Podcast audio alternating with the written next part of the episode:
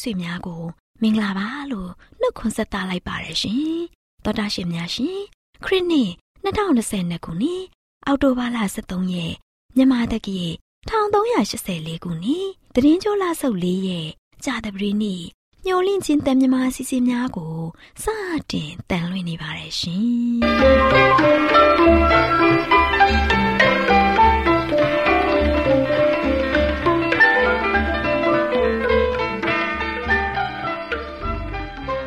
တော်တာရှင်များခင်ဗျာမျောလင့်ချင်းအတန်မြန်မာအစီအစဉ်ကိုနက်နက်6နာရီမိနစ်30မှ9နာရီအထိ16မီတာ kHz တစ်ခွန်ခွန်23ညညပိုင်း9နာရီမှ9နာရီမိနစ်30အထိ25မီတာ kHz 11943ညမှအတန်လွှင့်ပေးနေပါတယ်ခင်ဗျာဒီကနေ့ကြာသပတေးနေ့မှာထုတ်လွှင့်ပေးမယ့်အစီအစဉ်တွေကပျော်ရွှင်ချမ်းမာခရိယန်သာသနာအစီအစဉ်စံပြအိမ်အောင်ရေးအစီအစဉ်အစာအာဟာရဆိုင်ရာအကြံပေးချက်အစီအစဉ်တို့ဖြစ်ပါတယ်ရှင်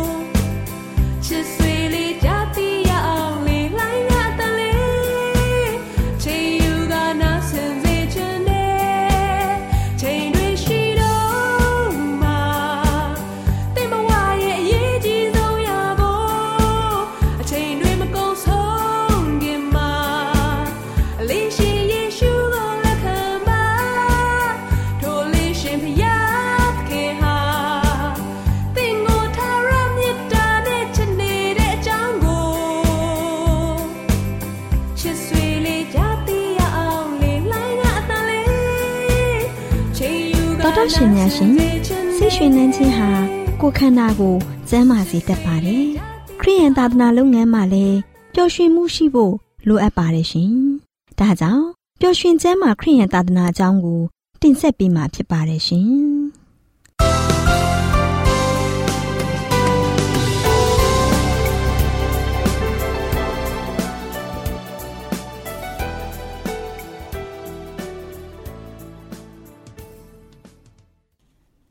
မင်္ဂလာပေါင်းနဲ့ပြည့်ဝနေတဲ့အခုလိုအချိန်မှာ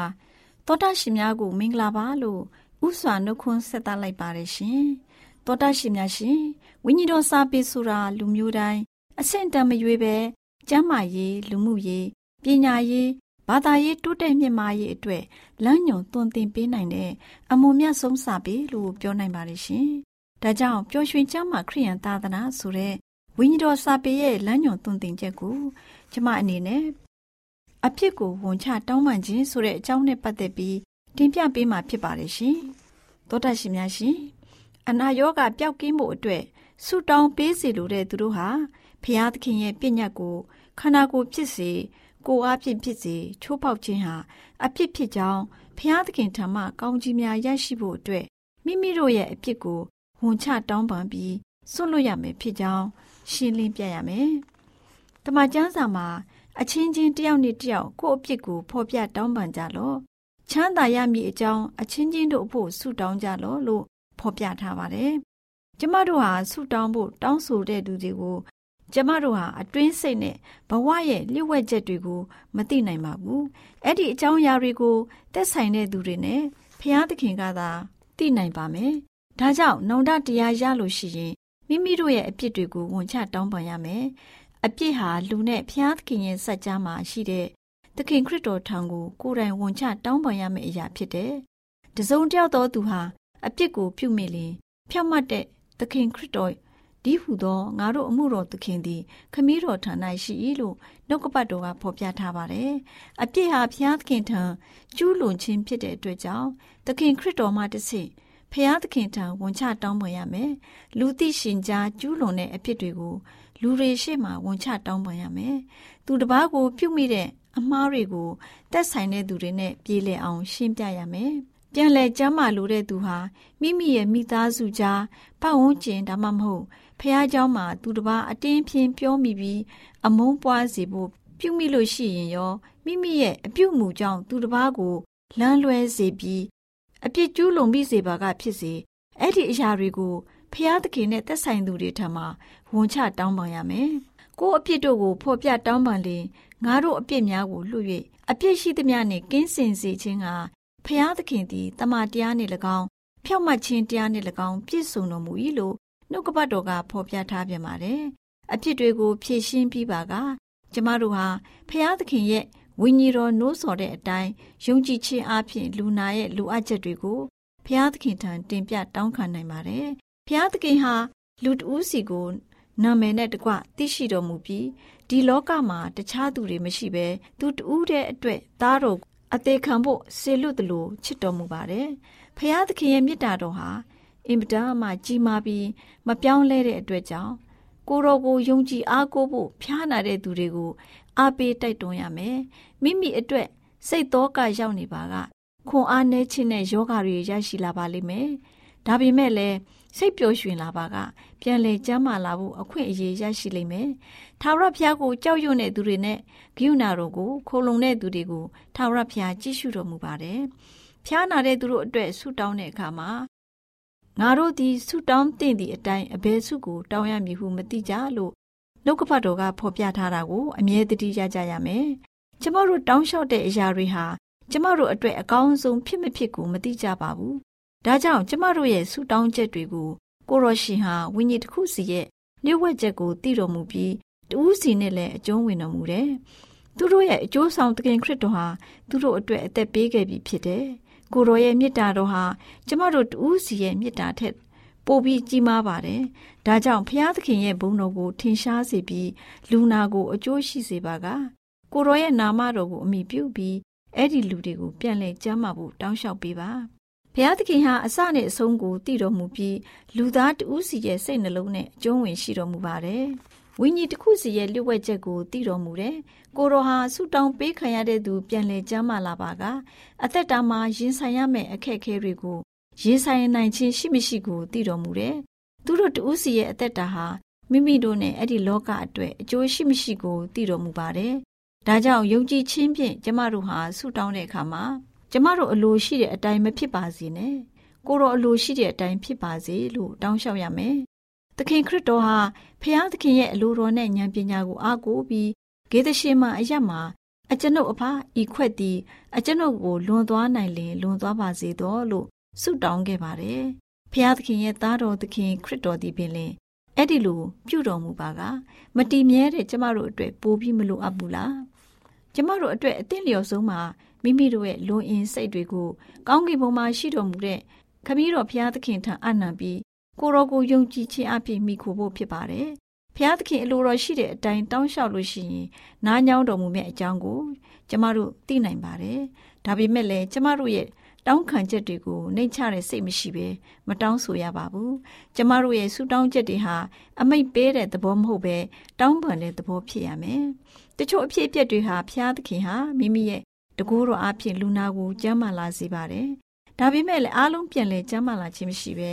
အမြောက်အများဟာခင်ခရစ်တော်၌အိပ်ပျော်သွားကြပါတယ်။ဖျားသခင်ဟာပောက်မှုကျိုးမှရှိတဲ့ယောဟန်ကိုယခုမှစ၍သခင်ဖျား၌တည်သောသူတို့သည် ကောင်းကြီးခံရကြ၏ထိုသူတို့သည်ပင်ပန်းခြင်းငြိမ့်မိအကြောင်းရှိ၍သူတို့၏အကျင့်တို့သည်လည်းသူတို့နှင့်အတူလိုက်ကြ၏လို့ဖော်ပြထားပါတယ်။အဲ့ဒီကျမ်းပိုက်ကိုကြည့်ခြင်းအပြင်ပြန်လဲကျမ်းမာလာခြင်းမရှိတဲ့သူတွေဟာ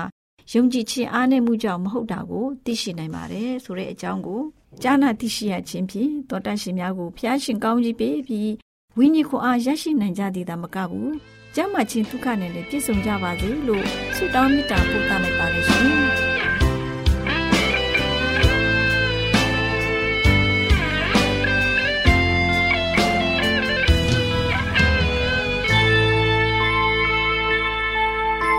တောင်ထိတ်ကရှိသောစံရည်လေလာသူမြတ်တရားရင်ထဲကညှို့နွမ်းသောကမိတွေစေကြောပြီလေမောင်မိုင်းချင်းများနဲ့လမ်းပြောင်းနေသောမာရင်တွေတွေ့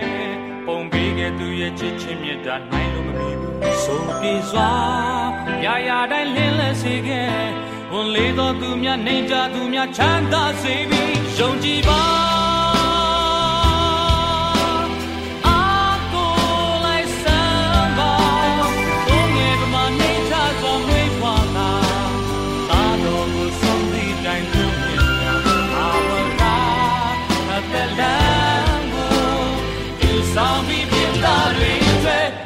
တင်ရှင်ပါ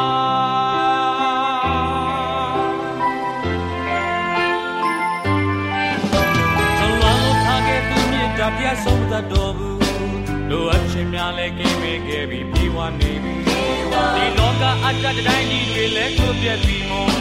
ပြန်စင်စားကြည့်လိုက်ဖျားနေဝေနေတို့တတာများရင်ခုန်သွားထိုလွင်နဲ့ခေါင်းလောင်းတန်လေးတို့လင်းလို့နေမြဲပြသားတွေအတွက်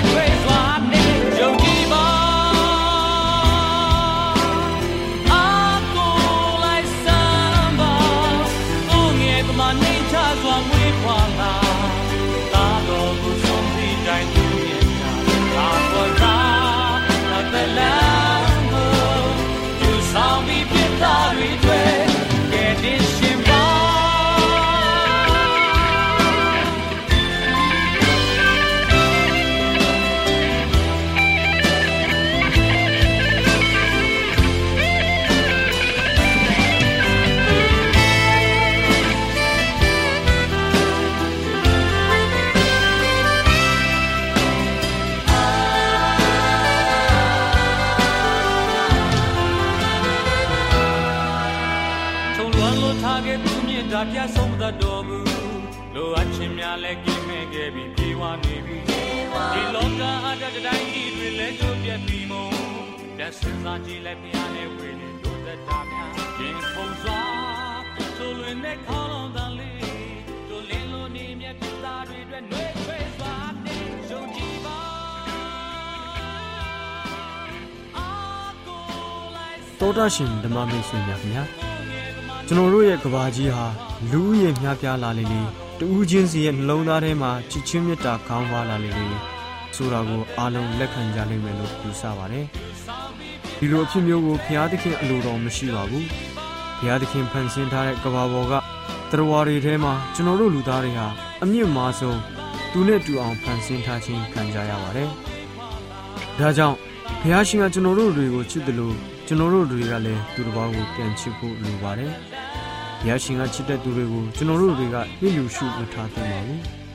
။ဒါကြောင့်ယေရှုခရစ်တော်ရဲ့အသက်တာအကြောင်းနာတော်တာဆင်ရင်ဆင်ခြင်ကြပါစို့လားခင်ဗျာ။နေ့ခွန်အားယူရမယ့်အကြောင်းအရာလေးရဲ့ခေါင်းစဉ်ကိုတော့ခရစ်တော်ချစ်တော်သူတို့ကိုချစ်ပါလို့ပြီးထားပါတယ်။ဂျီးစွာကျမ်းစာတော်မြတ်ကိုဖတ်ပြချင်ပါတယ်။ရှင်ယောဟန်ခရစ်ဝင်ခန်းကြီး15အငယ်7ငါပြည့်ညတ်မှုကားငါသည်တင်တို့ကိုချစ်သည်နည်းတူတင်တို့သည်အချင်းချင်းချစ်ကြလော့ ခရစ်တော်ဟာဘုရားသခင်ရဲ့ကိုယ်ပိုင်ဩဝါဒကိုသူ့ဘဝမှာတည်ဆောင်သွားခဲ့ပါတယ်။ကိုရောရဲ့စိတ်အားကြီးခြင်းဟာကိုရောကိုဘယ်တော့မှအယူမူမဖြစ်စေခဲ့ပါဘူး။ခေါင်းမာမှုလည်းမရှိဘူး။ရှင်းနောက်ညီညွတ်မှုရှိတာကိုပဲဖြစ်ဖြစ်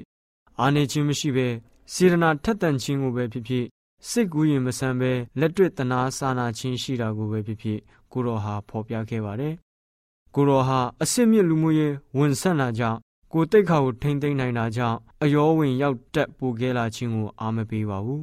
။ကိုရောရဲ့ကာမဂုဏ်ချုပ်တိခြင်းဆိုတာဟာတယူတန်ချိုးချံစွာကြင်ကြံခြင်းမျိုးမဟုတ်ဒီလောကနဲ့လည်းလိုက်လျောညီပုံစံခွက်အတွင်နေထိုင်တာလည်းမဟုတ်ပါဘူး။ဒါပေမဲ့ကိုရောဟာလူသားအဖြစ်အ ਨੇ ဆုံးလိုအပ်ချက်များကိုတောင်မှဂယုမဆိုင်ပဲနေထိုင်ခဲ့တာမဟုတ်ပါဘူး။ကိုရောဟာအလုံးစုံလိုအပ်ချက်တွေအတွက်နှိုးကြားလျက်ရှိပါတယ်။ လူသားဘဝအစောပိုင်းနှစ်များတွေမှာခရစ်တော်ဟာနှိမ့်ချခြင်းဝိရိယထားအလုပ်လုပ်ခြင်းနာခံခြင်းတို့တွေမှာပြည့်စုံတဲ့ပုံစံဖြင့်အသက်ရှင်နေထိုင်ခဲ့ပါတယ်။ကိုရောဟာသူတစ်ပါးကိုအစဉ်ထောက်ထားညာတာစဉ်းစားပေးတတ်ပါတယ်။အမြဲတမ်းပဲကိုယ့်ရဲ့အလိုကိုညှင်းပယ်လက်ရှိပါတယ်။ကိုရောဟာကောင်းကင်ဘုံအမှတ်တစိကိုအမြဲတမ်းယူဆောင်သွားပါတယ်။သူတစ်ပါးကိုစီစားဖို့ရန်အတွက်လာတာမဟုတ်သူတစ်ပါးရဲ့အစီကိုခံဖို့ရန်အတွက်လာရောက်ရခြင်းဖြစ်ပါတယ်။ ကိုကြိုးမရှာနေထိုင်တတ်တဲ့ခရစ်တော်ရဲ့ဘဝဟာအားလုံးအတွက်ပုံသက်သေဖြစ်ပါတယ်။ကိုရောရဲ့အကျင့်စရိုက်တွေဟာခြေတော်ရာကိုနောက်လိုက်တယ်ဆိုတဲ့ကျွန်တော်တို့တွေအတွက်တူယူရမယ့်အကျင့်စရိုက်ပုံစံတစ်ခုဖြစ်ပါတယ်။လိမ္မာပန်းနှမှုနဲ့ကောင်းစွာစီရင်ခြင်းဟာလှုပ်ဆောင်ချက်အသုံးဝင်မှုကိုယာချီပြီးတော့တိုးစေပါတယ်။လူတစ်ယောက်ဟာမှန်သောအချိန်မှာမှန်သောစကားကိုပြောပြီးတော့မှန်တဲ့အချိန်မှာ မှန်တဲ့စိတ်ထားကိုထားခဲ့မယ်ဆိုရင်သူအကူအညီပေးနေတဲ့သူတယောက်ရဲ့နှလုံးသားကိုအည်ပျော်စေနိုင်တဲ့တကူကိုအသုံးပြုနိုင်ပါလိမ့်မယ်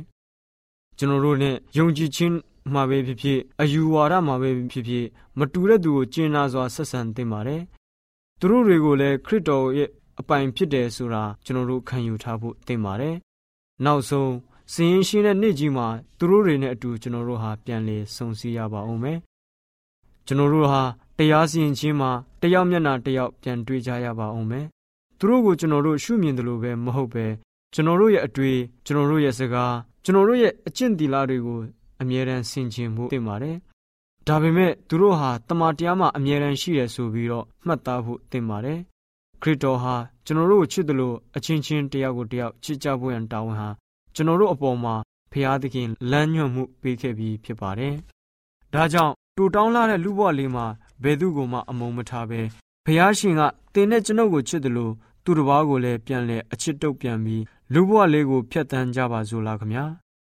တောတာရှင်အားလုံးအပေါ်ဖျားရှင်ကောင်းကြီးမလားချပေးပါစေအာမင်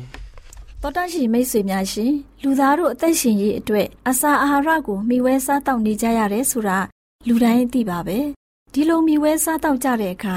စားတောက်မှုမမှန်ကန်တာတွေစားတောက်မှုအချိန်မတော်တာတွေကြောင့်ကျန်းမာရေးထိခိုက်လာလို့ယောဂဗျာတွေတိုးပွားပြီးဒုက္ခဝေဒနာတွေခံစားကြရတာပေါ့ဒါကြောင့်အစာအာဟာရတွေကိုကျန်းမာရေးနဲ့ညီညွတ်အောင်ဘယ်လိုစားတောက်သင့်တယ်လဲဆိုတာသိရှိဖို့အတွက်ကျမတို့မျှဝင့်ခြင်းအတ္တမထုတ်လွှင့်ပေးမယ်အစာအာဟာရဆိုင်ရာအကြံပေးချက်တွေကိုလေ့လာမှတ်သားကြရအောင်နော်သောတာရှိများရှင်ဒီနေ့အစာအာဟာရဆိုင်ရာအကြံပေးချက်မှာ မတိနားမလဲခြင်းအတွက်ကြီးလေးသောပြစ်ဒဏ်ဆိုတဲ့အကြောင်းကိုတင်ပြပေးမှာဖြစ်ပါတယ်ရှင်သောတာရှိများရှင်ထာဝရဘုရားသခင်ဟာလူတို့ရဲ့ခန္ဓာကိုယ်ဖွဲ့စည်းလှုပ်ရှားမှုတွေကိုအုပ်ဆိုးဖို့စီးမြင်ဥပဒေတွေကိုပြဋ္ဌာန်းတော်မူခဲ့ပြီးဖြစ်တဲ့အတွက်အဲ့ဒီစီးမြင်တွေဟာတန့်ရှင်းမွန်မြတ်လာပါတယ်။အဲ့ဒီစီးမြင်တွေကိုဖောက်ဖျက်ကျူးလွန်တဲ့သူတွေဟာအနှင်းနဲ့အမြန်ပြစ်ဒဏ်စီရင်ခြင်းကိုလည်းခံရလိမ့်မယ်။လူသားတွေခံစားနေရတဲ့ယောဂအများစုမှာ ကျန်းမာရေးဆိုင်ရာဖျားသခင်ပေးတဲ့စီးမြင်တွေကိုချိုးဖောက်ခြင်းကြောင့်ပဲဖြစ်ပါတယ်လူတို့ဟာကျမ်းမာရေးကိစ္စကိုစိတ်မဝင်စားတဲ့အောင်ဖြစ်နေပြီးမိမိကိုယ်ကိုအယုတ်ကျိုးပြတ်ဖြစ်အောင်မနာမနေစ조사နေကြပါတယ်။ကိုယ်စိတ်နှစ်ပါးစလုံးခြုံခြုံကြတဲ့အချိန်ကိုရောက်တဲ့အခါကျမှဆရာဝန်ပြင့်ပြီးသေတဲ့အထိဆေးကုခံကြပါတယ်။သောတရှင်များရှင်ကျမ်းမာခြင်းအကြောင်းပြောပြတဲ့အခါတိုင်းလူသားတွေဖွင့်ဆိုတတ်တဲ့စကားကတော့ငါတို့ဟာတိတလောက် မလိုက်နိုင်ကြပါဘူးဆိုတဲ့အကြောင်းပဲဖြစ်တယ်။ကိုယ်ခန္ဓာကျန်းမာရေးနဲ့ပတ်သက်တဲ့အလင်းတရားတွေကိုလက်တွေ့အသုံးချဖို့မိမိတို့တာဝန်ဖြစ်တာကိုသိရှိရမယ်။အကျင့်စရိုက်အသီးသီးတို့ကိုဖျားသခင်စစ်ဆေးတော်မူလိုက်မှာကိုလည်းသိရှိရမယ်။လူသားတွေသဘောမပေါက်ကြပါဘူး။ဒီအကြောင်းတွေကိုလူသားတွေသဘောမပေါက်ကြပါဘူး။ခန္ဓာကိုယ်ကိုဖြစ်ကဒဆန်စောင့်ရှောက်ကြရမှာမဟုတ်ပါဘူး။ကိုယ်အင်္ဂါအသီးသီးနဲ့တကွ အသေးငယ်ဆုံးအမွှေးအမြင်ကလေးများကိုတော့မှမပြစ်မယွင်းရလေအောင်လေးလေးစားစားကာကွယ်စောင့်ရှောက်ကြရမှာဖြစ်ပါတယ်။ကျမ်းမာရေးဆိုင်ရာအလင်းတရားတွေကိုရရှိလာတဲ့အချိန်ကစပြီးလူတို့နေ့စဉ်နဲ့အမျှမေးနေတဲ့မိကုန်းကတော့ကျွန်ုပ်ဟာအရာရာကိုချုပ်တီးချိုးချံမှုရှိရလားကျွန်ုပ်စားသုံးနေတဲ့အစားအစာတွေဟာ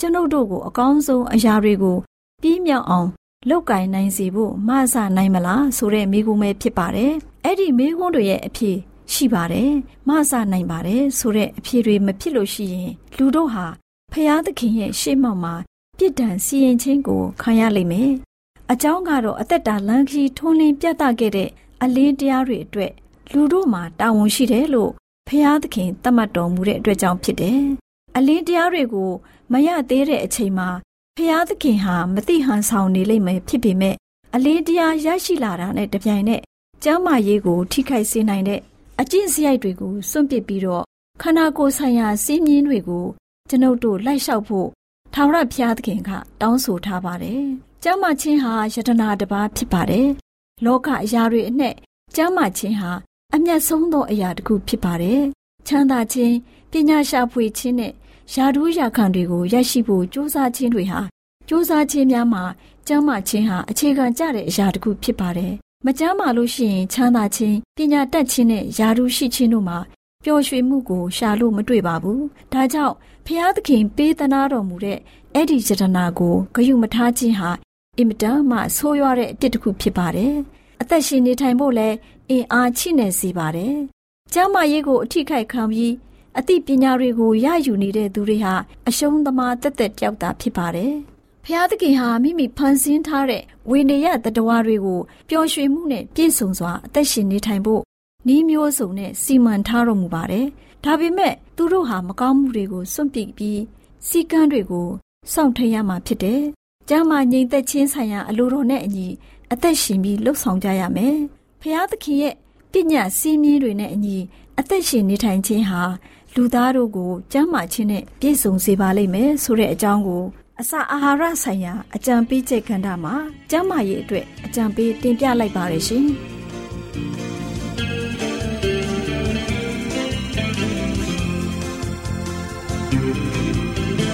လူတူတယောက်ရဲ့အားနေချက်ကိုကဲရဲ့တင်မလား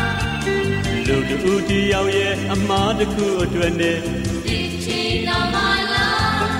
ဉ်းစားပါ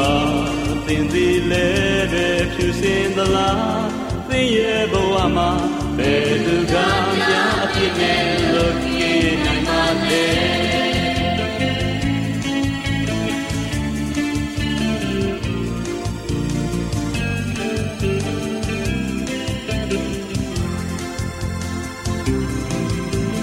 လူတူတယောက်ရဲ့အားနဲ့ချက်ကိုလူ တူတီယောက်ရဲ့အမားတစ်ခုအတွက်နဲ့ဒီချီတော်မလားစဉ်းစားပါသင်သည်လည်းပဲဖြူစင်သလားသင်ရဲ့ဘဝမှာဘယ်သူကများအပြစ်နဲ့လွတ်ကင်းနိုင်မှာလဲကိုတော်မိန်တော်မူသည်ကလူတူတီယောက်ရဲ့အဖြစ်များကိုအချိန်ချင်းခွင်လို့ရမှာပဲ ဆိုခဲ့တယ်ကိုနေဆက်ဆိုင်တော်သူကိုစေမခွေလို့တတ်ခဲ့ရင်သင်သည်လည်းပြလို့ချင်းကိုခံရမယ်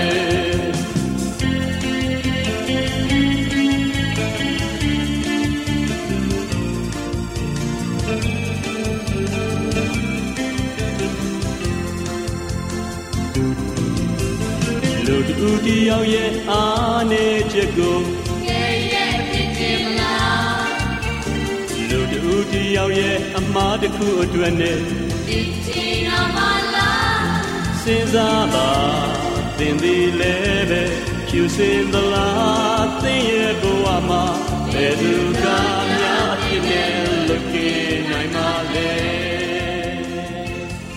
ဘုဒ္ဓရှင်များရှင်ကျမ တို့ရဲ့ဗျာဒိတ်တော်စပေးစာယူသင်တန်းဌာနမှာအောက်ပါသင်တန်းများကိုပို့ချပေးလျက်ရှိပါတယ်ရှင်။သင်တန်းများမှာစိတ်ဓာတ်ဒုက္ခရှာဖွေခြင်းခရစ်တော်၏အသက်တာနှင့်တုန်တင်ချက်များတဘာဝတရားဤဆရာဝန်ရှိပါကျမ်းမာခြင်းနှင့်အသက်ရှိခြင်းသင်နှင့်တင့်ကြမာရေးရှားဖွေတွေ့ရှိခြင်းလမ်းညွန်သင်ခန်းစာများဖြစ်ပါရဲ့ရှင်။သင်တန်းအလုံးဟာအခမဲ့သင်တန်းတွေဖြစ်ပါတယ်။ဖြစ်ဆိုပြီးတဲ့သူတိုင်းကို ဂုံပြုလွှာချင်းမြင့်ပေးမှာဖြစ်ပါရဲ့ရှင်။တော်တာရှင်များခင်ဗျာဓာတိတော်အတန်းစာပေးစာယူဌာနကိုဆက်သွယ်ခြင်းနဲ့ဆိုရင်တော့ဆက်သွယ်ရမယ့်ဖုန်းနံပါတ်ကတော့39 656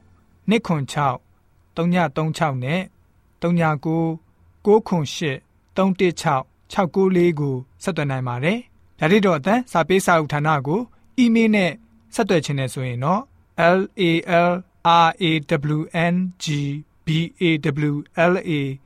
@gmail.com ကိုဆက်သွင်းနိုင်ပါတယ်။ဒါ့အပြင်တော့အတန်းစာပေးစာဥထာဏာကို Facebook နဲ့ဆက်သွယ်ခြင်းနဲ့ဆိုရင်တော့ S O E S A N D A R Facebook အကောင့်မှာဆက်သွင်းနိုင်ပါတယ်။ AWR မျော်လင့်ခြင်းအတန်ကိုအားပေးနေတယ်တော်တာရှင်များရှင်မျော်လင့်ခြင်းအတန်မှာအကြောင်းအရာတွေကိုပုံမသိရှိပြီးဖုန်းနဲ့ဆက်သွယ်လိုပါက39ကို2939 3926ခွန်45နောက်ထပ်ဖုန်းတစ်လုံးနေနဲ့39ကို688 664 48ခွန်ကိုဆက်သွယ်နိုင်ပါတယ်ရှင် AWR မျော်လင့်ခြင်းအတန်ကိုအားပေးနေတဲ့တောတာရှင်များခင်ဗျာမျော်လင့်ခြင်းအတန်ကအကြောင်းအရာတွေကိုပုံမသိရှိလိုပြီးတော့ ဖုန်းနဲ့ဆက်သွယ်လို့မယ်ဆိုရင်တော့39 253 326ခွန်45နဲ့39 688 464 48ခွန်ကိုဆက်သွင်းနိုင်ပါတယ်။တောတာရှင်များရှင် KSTA အာကခွန်ကျွန်းမှာ AWR မျိုးလင့်ချင်းအတံမြန်မာအစီအစဉ်များကိုအတံလွှင့်ခဲ့ခြင်းဖြစ်ပါတယ်ရှင်။ AWR မျိုးလင့်ချင်းအတံကိုနာတော်တာဆင် gay ကြတော့တောတာရှင်အရောက်တိုင်းပေါ်မှာ ဖျားသခင်ရဲ့ကြွယ်ဝစွာသောကောင်းကြီးမင်္ဂလာတက်ရောက်ပါစေကိုစိတ်နှဖျားကျမ်းမာရွှင်လန်းကြပါစေကျေးဇူးတင်ပါတယ်ခင်ဗျာ